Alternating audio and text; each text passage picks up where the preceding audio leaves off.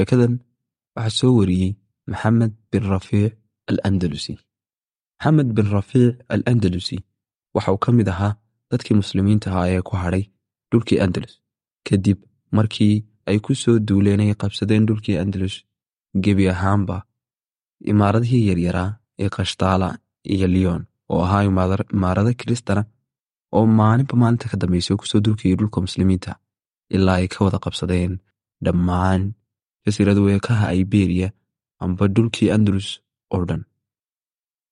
Muslimiinta ku noolaa ee ku hadhay andalus xilliga xaalkoogu laba midoo mooha amba inay kiristaanoobaan oo qaataan diinta kiristanka ama in la laayo oo ay caydhsadaan maxaakiimta dembi baadhista oo ahaa maxkamado loo samaystay dadka muslimiinta ah si loogu cadaabo looguna jibdilo waxa uu ku bilaabay sida tan maxamed waxaan ahaa mid yar oo aan fahamsanayn waxyaabaha sida hoose ee qarsoodiga loo wado. Aabbahayna waxa uu ahaa mid mar kastay ay ka muuqato dhibaato. Waxa uu ahaa wejigiisu mid isbedela markaan ka soo noqdo dugsiga. Waxaan ahaa mid ku dul akhriya kitaabka baybalka amba injiil. Waxaanan u sheegi jiray in aan si fiican u bartay afka isbaanishka. Kadib marka intaa maqlo waa uu iga tegi jiray waxaanu geli jiray qol ka yara durugsanaa gurigeyga. Qolkaas oo aanu cidnaba aabbahay kidankiisa amba yirdiisa u ogolaan jirin inuu galo halkaas ayuu ku nagaadi jiray muddo saacada iyo saacadaha kadib waa uu ka soo bixi jiray isagood moodo in indhihiisu ay xinjiro dhiigan yihiin oo aad u casaas yihiin sida inuu ooyay in badan. Aabbahay marka uu sidaa ahaa maalmo waxaa isku dayey inuu ila hadlo oo waxii sheego balse mar kastoo uu dibnaha dhaqaajo isku dayo inuu waxii sheego ma u awoodi jirin hadalkana dib buu liqi jiray kadib waa iska tegi jiray. Sidoo kale hooyaday waxay tun marka aan madrasadda amba dugsiga aan ka yimaado aad ii soo dhoweyn jirtay oo iigu soo dhoweyn jirtay qalbi furan iyo si diiran oo ay ku dheehan tahay boholiyo iyo xiisa fara badan. Sida inaan ahay qof saacado keliyaata maahee sannado fara badan ka maqnaa marka aan tegayna sidoo kale way sii sagootin jirtay iyadoo ilmahee indhaheegu ay ka buuxaan ilmo fara badan. Waxa u ahaayeen hooyada iyo aabbahay kuwa marka wada hadlayaan ku wada hadla af aanan garanayn oo ahayn af isbaanishka waana iga durki jireen. Waan isku dayi jirin inaan fahmo waxay ka hadlayaan iyo afkan ay ku hadlayaan waxuu yahay. Balse marnaba kumaan fahmi jirin afkan ay ku hadlayaan. Markaan u dhowaaday aan isku dayo inaan ogaado waxay ka hadlayaanna. Way bedeli jireen hadalka waxaanay ku hadli jireen af isbaanish aad ayaan ula yaabi jiray taa waana ii dhibi jirtay. Mararka qaarkoodna malayn foolxun amba male aan wanaagsanayn ayaan malayn jiray. Taasoo mararka qaarkood gaari jirtay inaan isdhahdo malaha ma tihid qof u dhashay si sharciya una maaha hooyada ayaa bahaagii saxda ahaa ee waxa lagaa soo qaatay waddooyiga. Waxaan ahaa mid keligii socda oo guriga keligii meel fadhiista sidoo kale marka uu dugsiga joogo keligii socda oo aan la ciyaarin carruurta kale gaarna uga soocan dhammaantood. Waxaan ahaa mid keligii markasta jooga. Heer sidaan keligii u fadhiyo keliyaata la yeeri jiray marka salaada loo baxayo kiniisadda la tegayo oo uu soo kaxayn jiray macallinkayga ama baadiriga oo garabkay soo qaban jiray. Muddo waxay sidaa ahaataba hooyadii waxay u mushay wiil balse markii loogu bishaaray aabbahay inuu wiil cusub u dhashay kuma u farxin. Wejigiisana kama ay muuqan wax dhoola caddayn iyo farxad toon ah. Aabbahay waxa uu bilaabay inuu u socdo si uu tiicayo oo kale amba uu murugaysan yahay inuu u tago dhankaa iyo baadariga siduu ugu yeedho uu ugu anqariyo wiilka yar ee cusub ee dhashay. Waa caado ay ka leeyihiin kiristanku in ilmuhu marka uu dhasho uu baadarigu anqariyo oo la siiyo biyo la yidhaahdo waa biyaha barakaysan oo laga keeno kiniisadda ilmahana loogu meedho lana cabsiiyo. Biyaha si looga ilaaliyo shayaadiinta iyo waxyaabahaas. Kadib hooyadii markii ogaatay in aabbahay iyo baadarigii ay guriga soo goodagelayaan aad ayuu wejigaygu isku bedelay mana aanay ka muuqan farxada balse waxaad moodaysay in war dhiilale uu ku soo fool leeyahay. Iyadoo aan jeclaynna waa u dhiibtay ilmihii wejigeena uu ka muuqdo cabsi fara badan iyo inaanay doonayn waxay samaynayso. Waxaa la soo gaadhay xilligii ciidda fasixiga amba ciidda iistarka magaalada qarnaada ee aan ku noolaa waxay ahayd mid aad loo midabeeyo lana ka dhigo mid qurux badan oo iftiin fara badan lagu xidhay maalmaha. Sida si gaarana waxaa iftiin qurux badan lagu xidhi jiray iyo nalal qasriga alxamra oo ahaa mid ku yaalla meel taaga oo magaalada duleedkeega sidoo kale waxaa hareerihiisa laga taagi jiray qutimo dhaadheer oo macatab ah amba saliib isla habeennimada aabbahay waxau soo toosiyey saqdii dhexe xilli aanay cidna soo jeedin cidnana aanay dhaqdhaqaaqayn waxa uu qabtay gacanta waxaanuu geeyey qolkii uu tegi jiray aabbahay ee uu keligii ku nagaadi jiray cidnana aanu ogolaan jirin inay soo gasho albaabkii markaa uu furay waxa uu raadiyey faynus si uu u iftiinsaday aabbahay waxau ahaa midaan cidnama u ogolaan qolkan waxaan isweydiinaya sababta uu halkan ii keenay qolkan waxau ahaa midaan ka aaminsanayn waxyaaba la yaabla iyo amakaagle oo dadkii hore ka hadhay ay halkan ku duugan yihiin sidaa darteedna waa aabbahay noogu qarinayo arrintaa markii uu aabbahay helay faynuuskii ee uu istiraaday waxaa soo baxday wax aanan filanayn qolku waxau ahaa mid caadiya oo aanay ka muuqan waxyaabihii aan filayay oo dhan. Waxa uu keliyaatee dhex yaalay waxay ahaayeen kitaab amba dhigane dul saaran miis iyo seef ka laalaada meel gidaar ah. Aabbahay waxauu bilaabay inuu ila hadlo si dhibirsanaan iyo baqasha ay ku dheehan tahay isagoo codka gaagaabsanaya oo hoos u hadlaya. Waxaan igu yidhi wiilkaygiiyo imika waxaad gaadhay da'da toban jirka. Waxaanad noqotay nin. Sidaa daraaddeed waxaan kuu sheegayaa sirta reerka oo ah sidaan in badanaan kaa qarinaya ee laabtaadu ma tahay tu awoodda inay qaado sirta aan kuu sheegayo. Mana ii ballan qaadaysaa inaad sirtan ka qarin doonto hooyada qoyskaaga iyo asxaabtaada iyo dhammaan dadka kale oo dhan. Aabbahay waxa uu sheegay sirtan iuu sheegayo in aabbahay uu halis ku geli karo.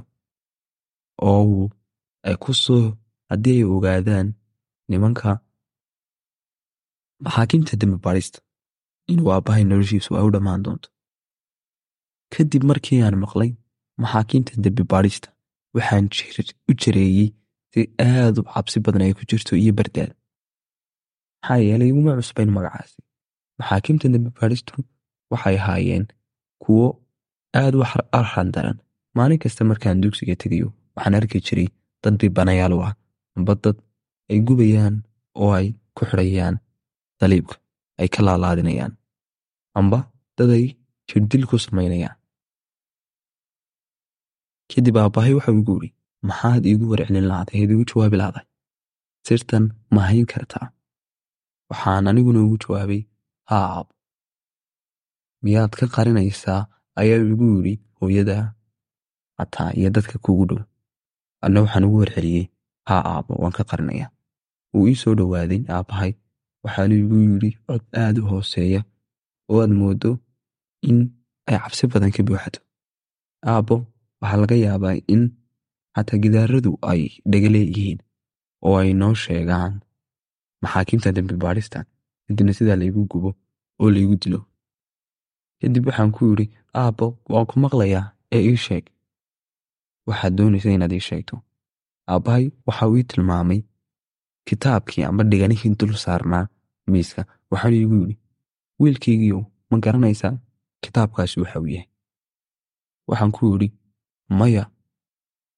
Waxa igu yidhi wiilkaygiiyow kitaabkaasi waa kitaabkii ilaah waxaan ku yidhi ma kitaabkii muqadaska ah baybalka ee uu nebi ciise la yimidba kadib waxuu aabbahay igu yidhi maya maaha waa kitaabka qur'aanka uu ilaahay soo dejiyey.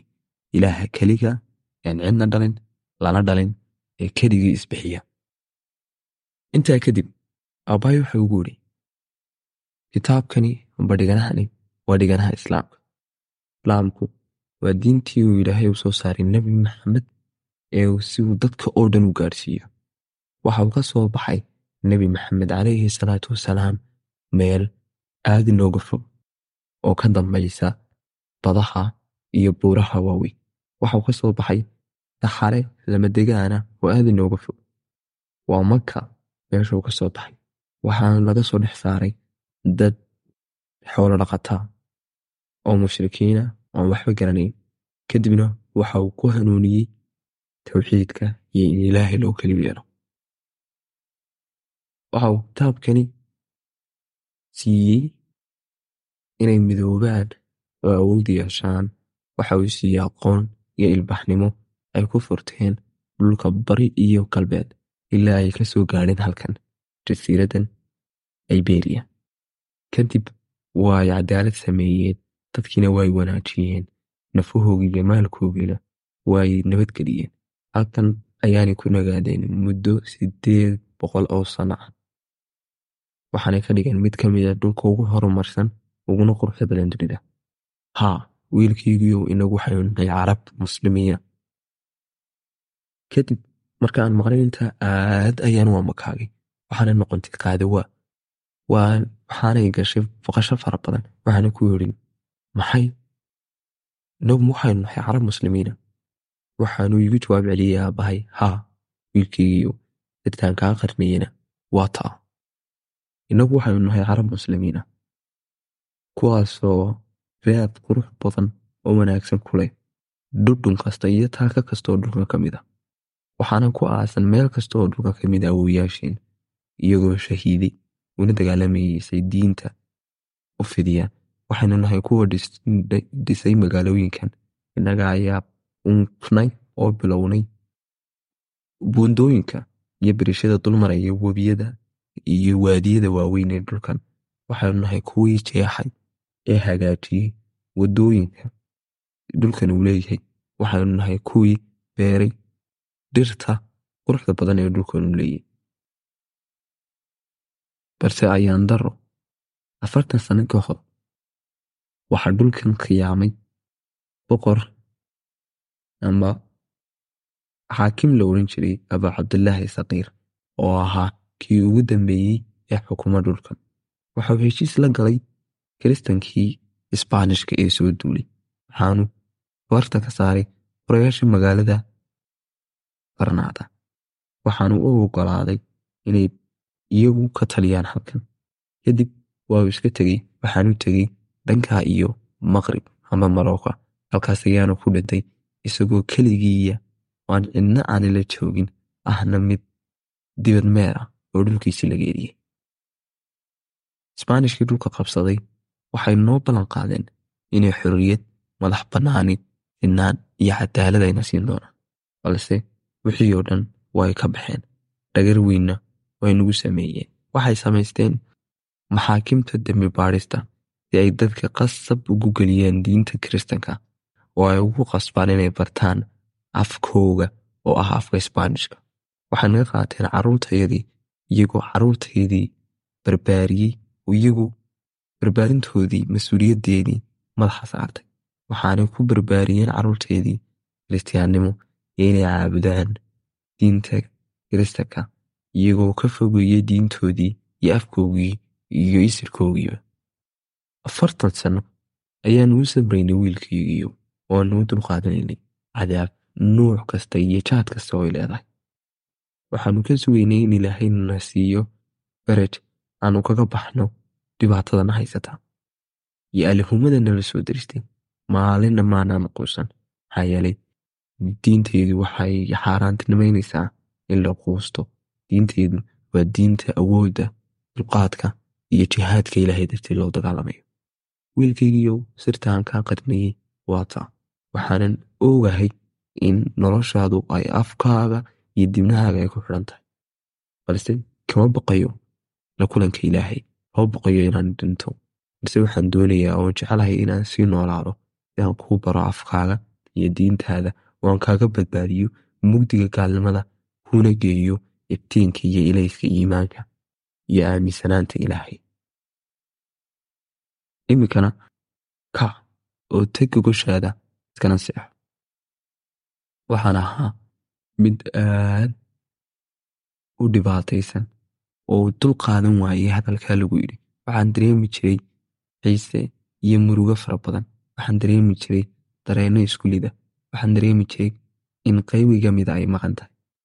Waxaan ahaa mid ku dawaafo oo ku gaaf wareega qasriga alxamra anigoo la hadlaya canaananayana waxaan ku odhan jiray hamraa tii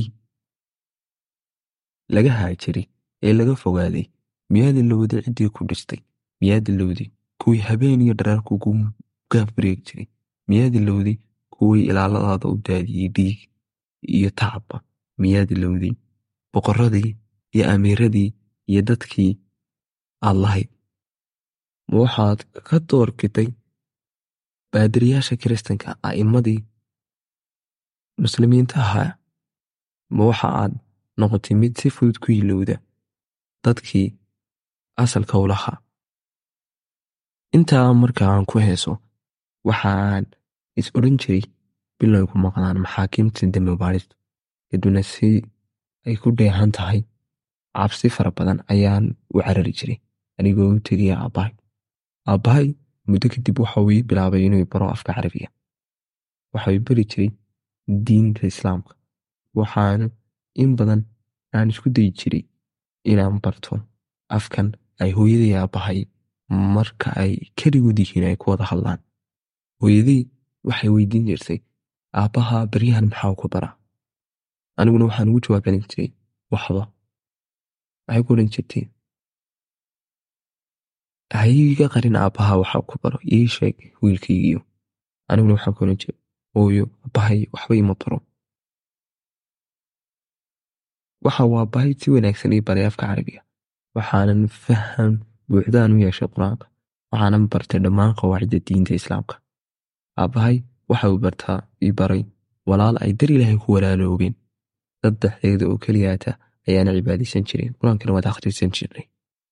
Intaa kadib waxa adkaatay oo aad u darnaatay arxandarradii lagula dhaqmayey dadka muslimiinta ee la ogaado inay weli sii haystaan diintoodii islaamka amba ku hadlayaan af carabi maxaakiimta dambi baadhistu waxay hayeen kuwo maalin walba dila dad labaatan ilaa soddomeeye qof ah kuwaasoo ku macatabka ku teeda. Waxay gubi jireen dadka iyagoo nool waxaanu maqli jirnay maalin kasta boqolaal iyo boqolaal qof oo la dilin waxaa loo cadaabi jiray sida ugu xun ee ugu daran. Waxaa laga saari jiray cidyahooga iyagoo arkaya. Waxaana lagu qarqin jiray amba lagu hafin jiray biyo. Waxaana xagga hoose lagaga soo siri jiray hareerahooga dab si ay u gubaan oo ay iyagoo nool u gubtaan.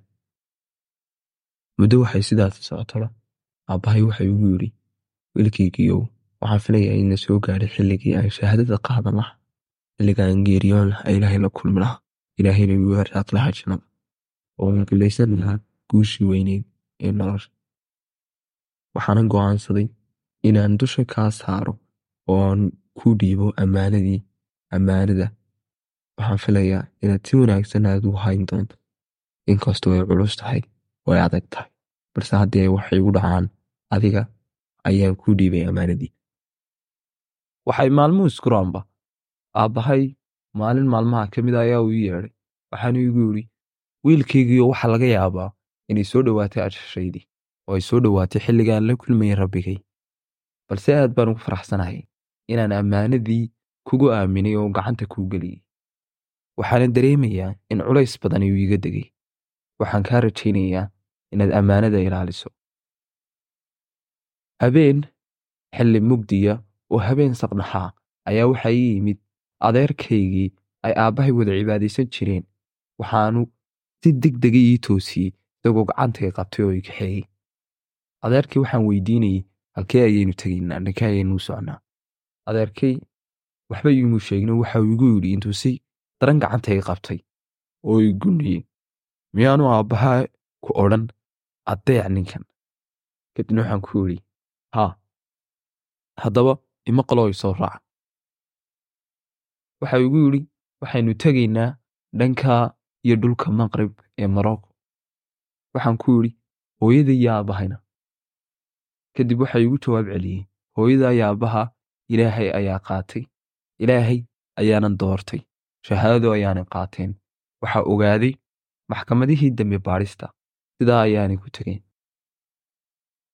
Kadib waxaanu u dhaqaaqnay aniga iyo adeerkay dhanka iyo waqooyiga annagoo u socdaalnay dhanka badda ilaa aanu ka gaadhnay maqrib. Sidaas ayaananu ku badbaadnay labadeedii. Maxamed bin rafiic al andalusi waxa uu noqday intaa kadib mid ka mida culimmadii ugu waaweyneed ee waqooyiga afrika gaar ahaan tuunis oo uu ku dhintay kun iyo labiyo kontonkii hijiriyada waana mid ka mida dadkii yaraa ee ka badbaaday maxkamadihii dembi baadhista ee isbaanishkii ku soo duulay andalus